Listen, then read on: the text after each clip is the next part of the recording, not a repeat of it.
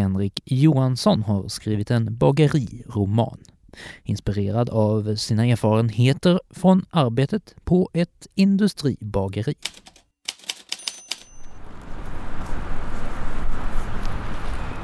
Leveranser och sånt liksom. Det var inte någon... När man jobbade på strövrörsavdelningen så kunde man gå ut den här vägen och ta någon extra rast liksom. Okay. Och det här vita kaklet det var lite typiskt för det. Så, sånt fanns det inne på bageriet också. Mm. Um, ja. Yes. Det, så det här, är, det här är lite äldre liksom. Och förr i tiden så körde man ut eh, I början av när det fanns så körde man ut eh, bröd med häst och vagn på den här, genom den här vägen och då fanns det stall här inne då. Ja, japp. Härligt. Så det finns lite, lite delar kvar av eh, från bageritiden när det låg här mitt inne i, i Malmö? Ja, det finns några bitar. Och jag tror att några av byggnaderna har kanske... Det kan ha varit så att det fanns kontor i, i den här byggnaden också, misstänker jag. Ja. Det är fyra, fem våningar upp här, eh, rött tegelhus. Mm. Eh, och bageriet låg här på, på bottenplan då? Japp. Och nu är det då, sen revs det, det stängde 2001 och revs något år senare. Var en ödetomt ganska länge och sen blev det en bostadsrättsförening som eh, heter Bageriet och eh, ja, med ganska dyra bostadsrätter liksom. Okej, så, så huset egentligen, det är, det är nybyggt, det är inte de samma lokaler? Ja, det här huset är, är inte nybyggt. Men de som ligger där inne är nybyggda. Ja, de vita putsade fasaderna. Ja, exakt. Mm. Ehm, och, vi är ju väldigt eh, eh, centralt i Malmö här vid Folkets park. Eh, de gamla arbetarkvarteren.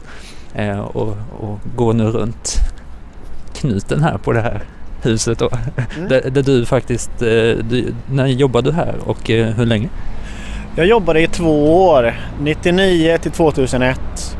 Eh, eller 2001 ska man säga kanske. Eh, och det stängde 2001 och, och rev sen och det var, eh, då fick alla sparken liksom. Det var så att juvelbagaren, när jag, när jag började 99 så ägde juvelbagerierna det här bageriet var ett av dem, ett av 24 bagerier i Sverige.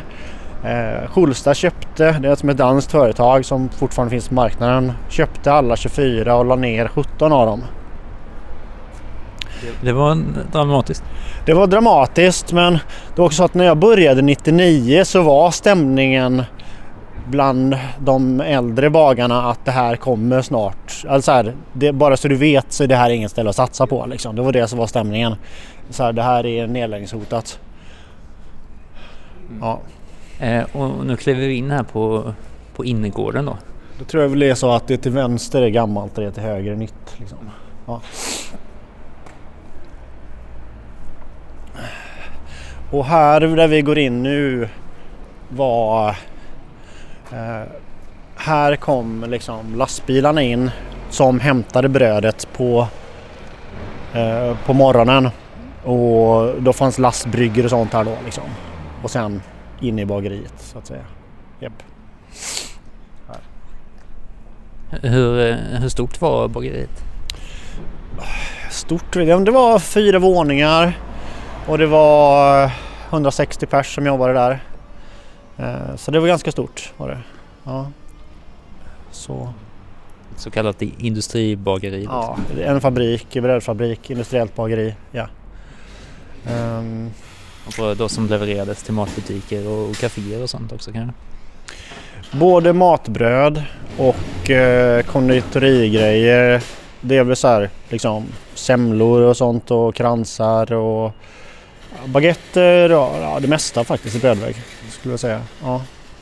Eh, vad tänker du när du går förbi här idag? Liksom man ser ju inte att det är ett bageri på något sätt. Jag var här för någon dag sedan och tittade hur det såg ut och jag tyckte att tänkte väl att på sätt och vis tycker jag att det är synd att det inte i alla fall finns någon liten plakett eller någonting som står så här att det står liksom här låg det ett bageri i hundra år. Det hade varit eh, lite så här stadshistoria, industrihistoria hade jag uppskattat faktiskt. Mm. Ja, och under så lång tid en, en så viktig plats för så många. Mm, exakt. Och i början var det ju kooperationen liksom med Konsumbagaren och sånt. Sen var det... Det blev väl privatiserat senare antar jag. Ja. Japp. Ja. Toppen. Då ska vi gå in och värma oss. Ja. Då har vi rört oss in i, i värmen här i Antikvant. I det här. Eh, du säljer lite böcker och, och även sitter och skriver om Mm. dagarna. Ja. Eh, och vi ska då prata om eh, din nya bok Raja. Mm. Det är en eh, bageriroman kan vi väl säga. Eh, Ja. handlar om eh, Raja står i, i centrum. Det handlar om mycket maktrelationer och eh, strejk på en arbetsplats i, i korthet. Eh, hur, hur kom du på idén eh, till att skriva den här boken? Alltså om eh, att skriva om bageri eller att bageri skulle vara platsen, det har jag eh, varit sugen på länge och skrivit i olika varianter och sånt. Även skrivit en del kortare, lite mer så här arbetsplatsrapporter till exempel till eh, Hopskrivet eh, som en antologi som Francis Toreskorp har gjort. Eh, men så miljön och liksom bageriarbetet har jag velat skriva om länge. Men eh, det som kom till så att säga var att jag ville skriva om krocken mellan eh, familj och arbete så att säga. Eller ekonomi och arbete. Ehm, och det är en krock som egentligen för min del har varit vanligare att se, inte själv uppleva, på restauranger. Mindre arbetsplatser där man har där jag ibland har jobbat på krogar tillsammans med till exempel då krögaren, krögarens fru, krögarens barn eller någon annan mer avlägsen släkting. Liksom. Och i, i den här, när det jobbar en familj på samma arbetsplats så blir det komplicerat både för de som inte är med i släkten men också för de som är med i släkten. Ehm, och hur konflikter hemifrån spiller över på jobbet, hur eh, jobbkonflikterna spelar över i hemmet och för de som är inte en del av den här familjen, hur någon som man i vanliga fall hade kunnat snacka skit om chefen med till exempel, kan man inte göra det med längre för att det är chefens son. Liksom. Ja, det här blir ju något eh, slags, förlaget kallar det för ett kammarspel. Eh, och eh, du testar liksom vad som, vad som händer i de här relationerna då. Mm. Och, och Raja är ju styrdottern dessutom då. Och, och jag har också här låtit mig inspireras av eh, en del klassisk drama där det ofta finns inom en familj. Ofta där då är det en kungafamilj om man ska gå tillbaka till grekerna till exempel. Eh, där folk har olika mycket makt och olika mycket inflytande och kämpar dels om makten men också i, i familjeband som slits och dras i liksom.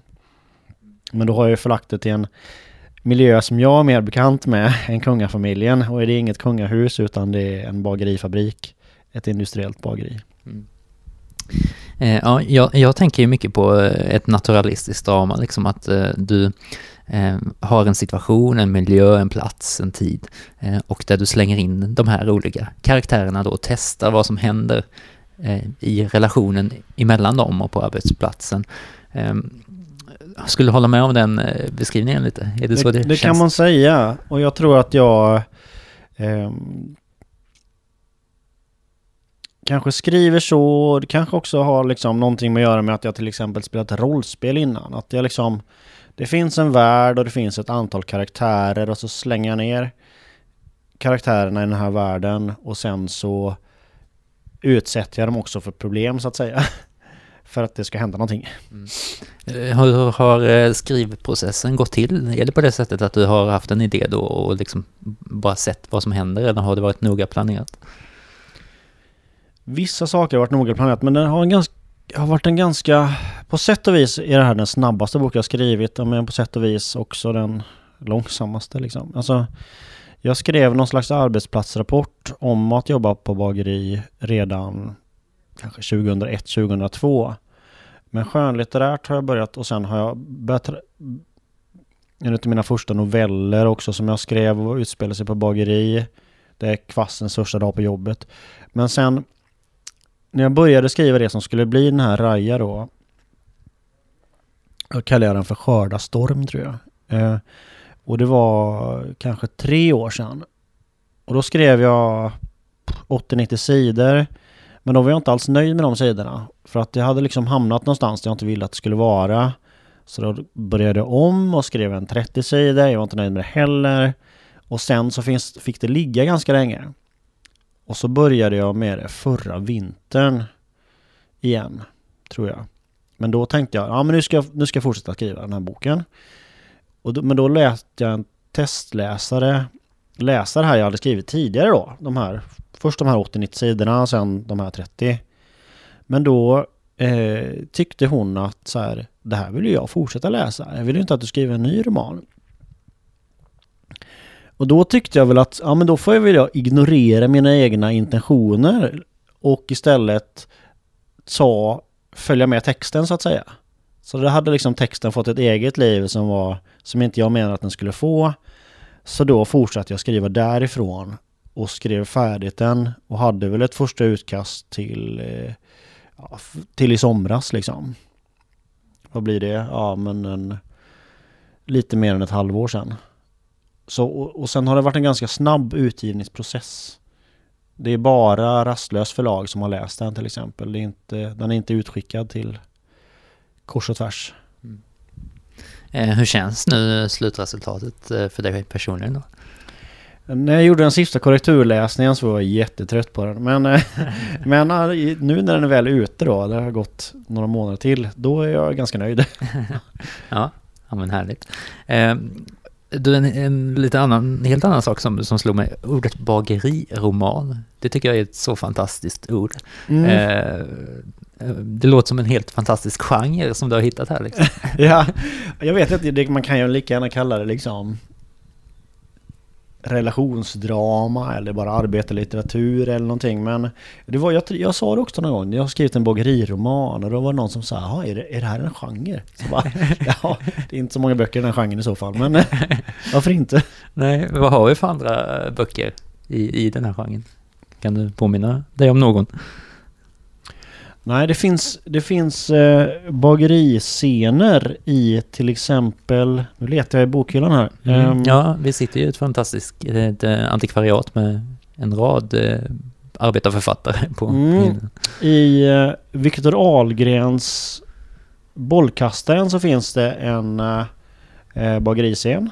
Eh, och sen så finns det en Malmöförfattare som heter... Eh, som inte heter Raja utan som heter Raja. Eh, som eh, också har med någon bageriscen. Han har faktiskt jobbat på precis samma bageri som jag har gjort.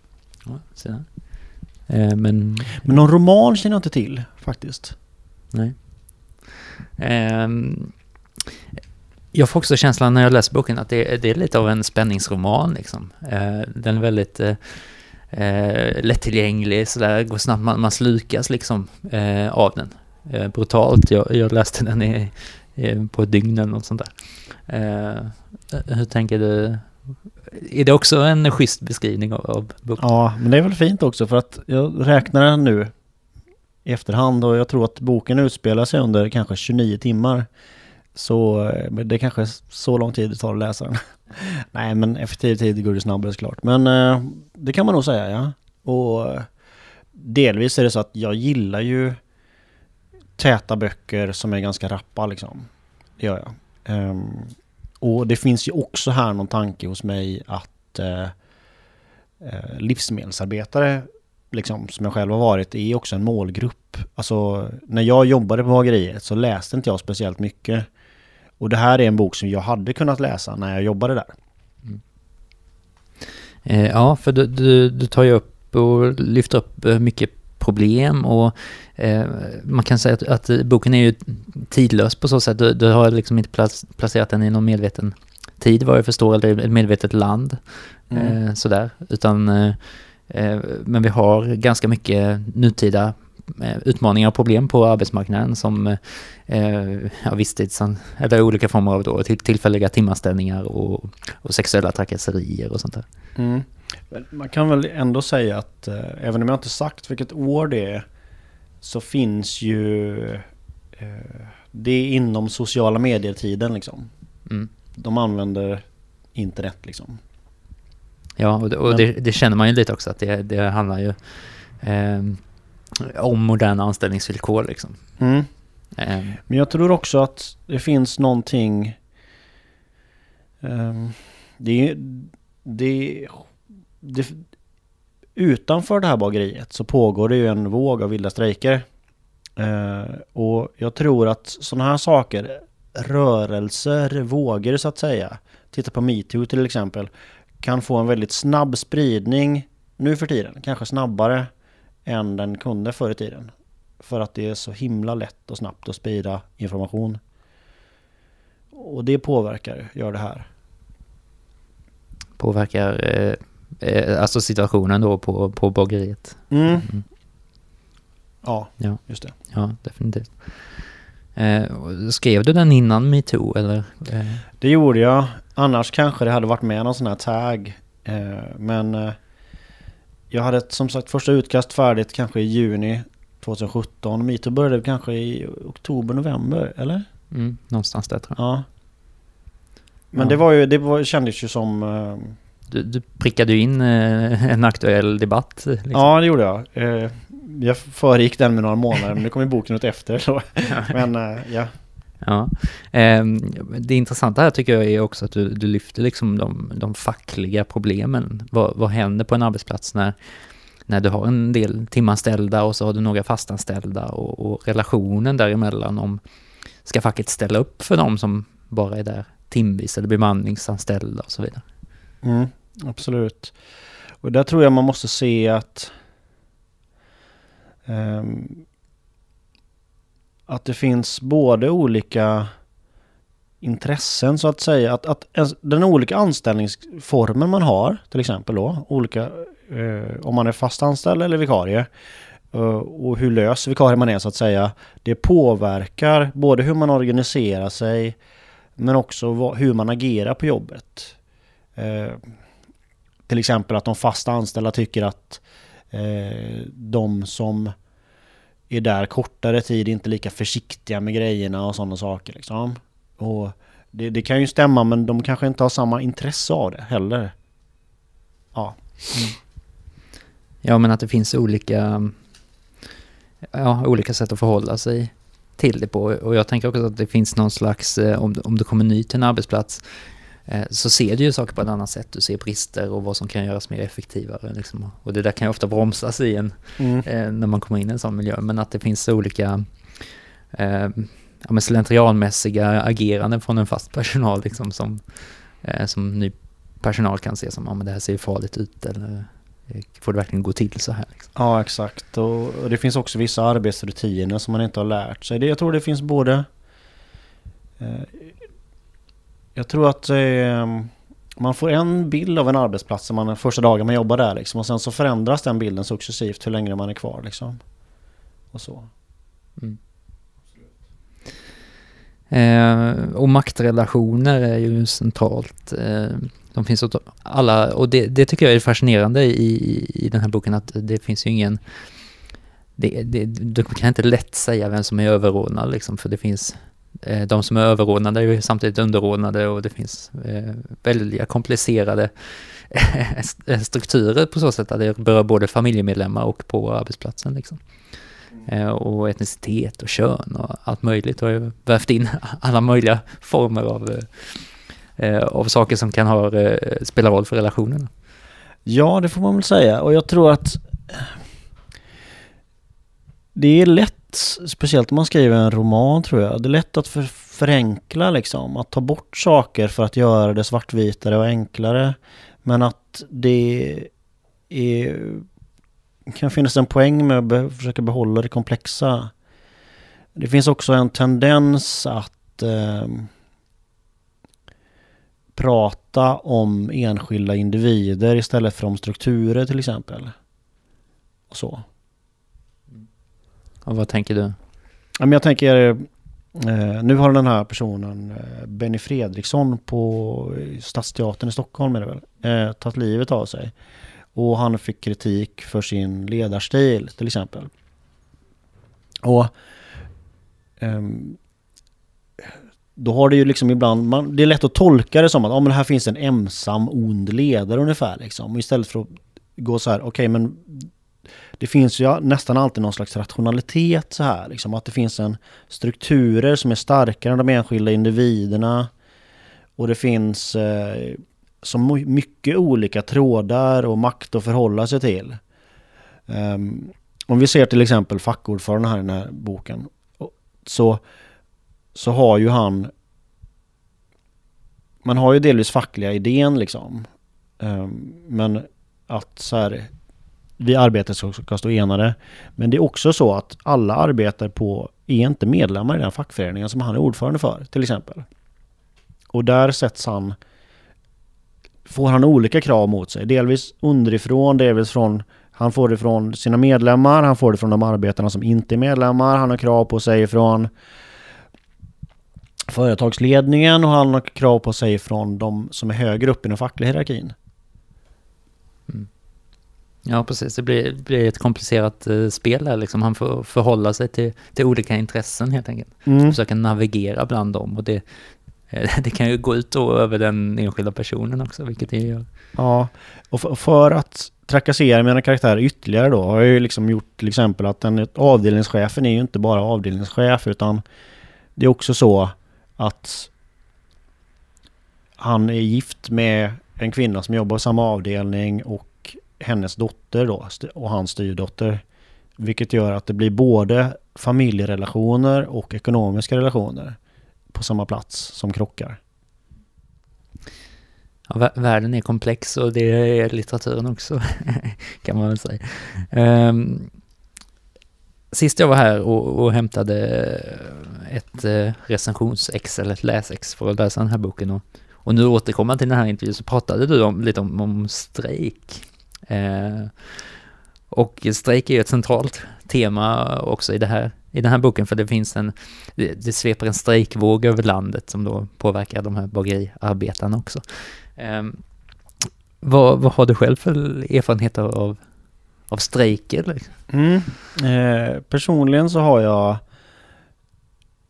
eh, inte strejkat, men vi har eh, eh på bageriet som jag jobbade på faktiskt så eh, vann vi någonting genom ett strejkhot. Men precis som kanske som i boken här så när vi uttalade det här första gången så såg vi det inte själva som... Vi var så, det var, fanns en viss spontanitet i det liksom. Um, cheferna och eh, fackordföranden hade gått med på att ändra våra arbetstider. Så att vi skulle börja tidigare på söndagar. Med andra ord skulle vår helg bli tre timmar kortare. Vilket vi naturligtvis då var emot.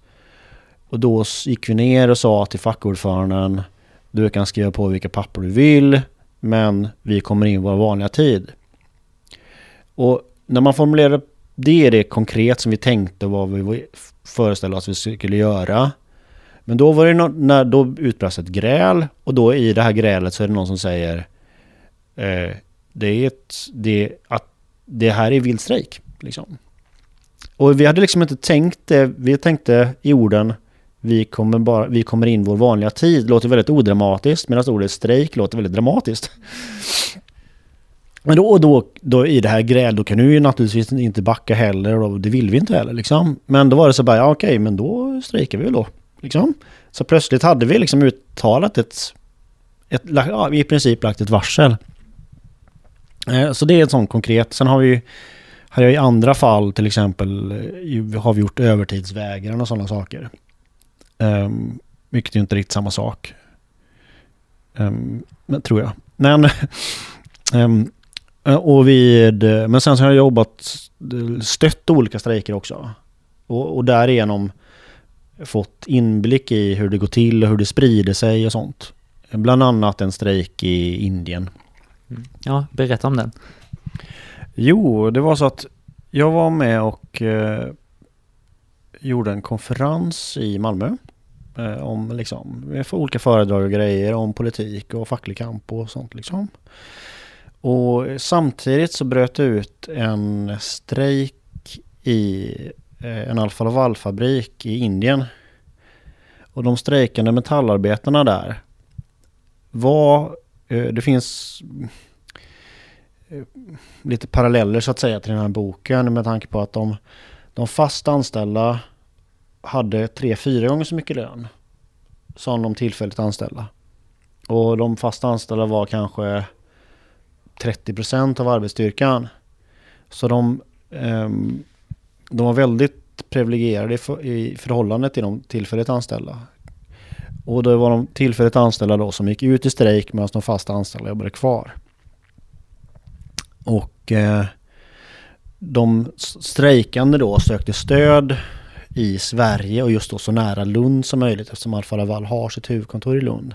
Så då fick de tag på oss i Malmö och då delade vi ut lite flygblad och eh, vi liksom uppvaktade Alfa Laval och eh, hade någon eh, liten demonstration dit ut och där vi stod och grälade lite med några chefer inom Alfa Laval kan man säga. Um, och sådär. Mm. Jag vet inte om jag ska säga om det egentligen. Men då får jag, jo, där, så här då. Mm. Eh, som det är någon slags parallell till boken där är att, att då är Indien ett land där det är mycket vanligare med strejker än vad det är i Sverige. Och det innebär ju också att de som går ut i vild strejk um, det, det ses som ett lättare alternativ så att säga. Det är, för det är inte så främmande som det är i Sverige. Eftersom det är vanligare. Men de som gör sånt i Sverige är i allmänhet eh, mer genomtänkta tror jag. Det märks på att vi, vi chattar ju dagligen liksom med olika indiska metallarbetare. Det fanns till exempel en tro på Sverige som moralisk stormakt. Liksom. Så man trodde till exempel att det fanns folk som trodde att bara cheferna i Sverige och ledningen i Sverige får reda på hur dåligt det är i Indien så kommer de att ändra på det. Där var ju liksom tvungen att svara att jag tror att antingen att ledningen i Sverige inte bryr sig eller att de redan vet om hur det är i Indien. Och det är deras ansvar liksom. De kommer inte avsätta den indiska ledningen för att ni berättar att ni har en tredjedel eller en fjärdedel i lön. Det kommer liksom inte ske. Men eh, det var ju, det kunde jag ju säga men vi kunde ju också vi fick också liksom backa upp dem i deras tanke om hur det skulle utföras liksom. Så att vi skrev till eh, ledningen i Sverige liksom och så. Eh, och hur, eh, vad hände sen? Vet du med, med den här strejken? Eh, strejken har väl snarare runnit ut i sanden kan man säga. De eh, gick ut i strejk och liksom tältade utanför fabriksgrindarna. Men blockerade inte fabriksgrindarna till exempel. Vilket innebar att, att strejkbrytare kunde köras in hur som helst. Det finns naturligtvis rationella skäl till varför de inte gör det. Att, att hade de ställt sig eh, framför fabriksgrindarna så hade de blivit genompryglade utav, eh, utav företagets vakter och av eh, polisen. Vi... Eh... Men vänta lite, oh, just det. Mm. det. Det där Eh, det, men det var också så att det var, man fick lära sig mycket om hur det funkade i Indien och, det, och av det lär man sig hur det funkar i Sverige.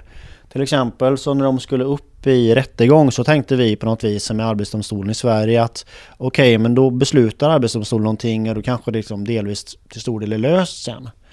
Men där är det inte riktigt så utan där kan rättsprocesser pågå i 30-40 år. Ehm, så att man har fått rätt i en instans betyder nästan ingenting. Och, och dessutom var det helt eh, absurt till vilken stor del eh, Eh, de, domstolarna stod på företagets sida och det fanns mycket kolonialism i det. Ehm, förhandlingarna fördes till exempel på engelska, vilket är ett språk som nästan ingen av metallarbetarna kan. Och eh, ibland vid någon förhandling så dök liksom inte Alfa Lavals advokat upp. Och det finns liksom ingen... Då, då skulle man kunna tycka att de lämna, det är som att lämna walkover liksom. Men då bara, jaha, okej, okay, men då skjuter vi fram det här en månad. Samtidigt som, som folk inte har någon lön liksom. Och har eh, inte något ekonomiskt strejkunderstöd heller liksom. Mm. Eh, hur länge sedan är, är detta? tror det började för tre år sedan ungefär. Ja, okej. Fyra år så sedan pass, kanske. Så pass nära. Ja. Så nästan haft det vid, vid sidan av när du började skri- skissa på de här första utkasten av, av boken. Ja, ja. Också så... Där såg man också till exempel... eh, En, en annan grej som man lärde sig utav det var liksom så där med sociala medier liksom. Faktiskt. För att... Eh, eh, I och med att vi hade så svårt att kommunicera så var bilder mycket effektivare än text. Det fanns fackföreningar i Sverige som tog stöduttalanden. Och de stöduttalandena kom till Indien men folk, eh, näst, eh, folk de strejkande ryckte nästan på axlarna åt dem. Liksom. För det kommer, ett, ja, men du vet, det kommer ett papper eller ett mail med text som inte kan läsa. Om du däremot skickar en bild på en person som delar ut ett flygblad i Sverige. Då blir det jätte liksom så bara wow, okej, kolla här, folk som delar ut flygblad i Sverige för våran skull. Det fick en helt annan spridning och en helt annan pepp liksom på det. Internationell solidaritet. Japp. Eh, vi, vi ska närma oss slutet i det här samtalet. Vad, ehm, nu har du väl följt upp med lansering och intervjuer och sånt där, som det väl är när man släpper en ny bok. Men eh, har du redan börjat skissa på framtida planer kanske? Ja, det har jag. Ehm, och eh, eh, jag skriver på något mer självbiografiskt nu. Där det också innefattar bageri till exempel. Härligt, då Mm.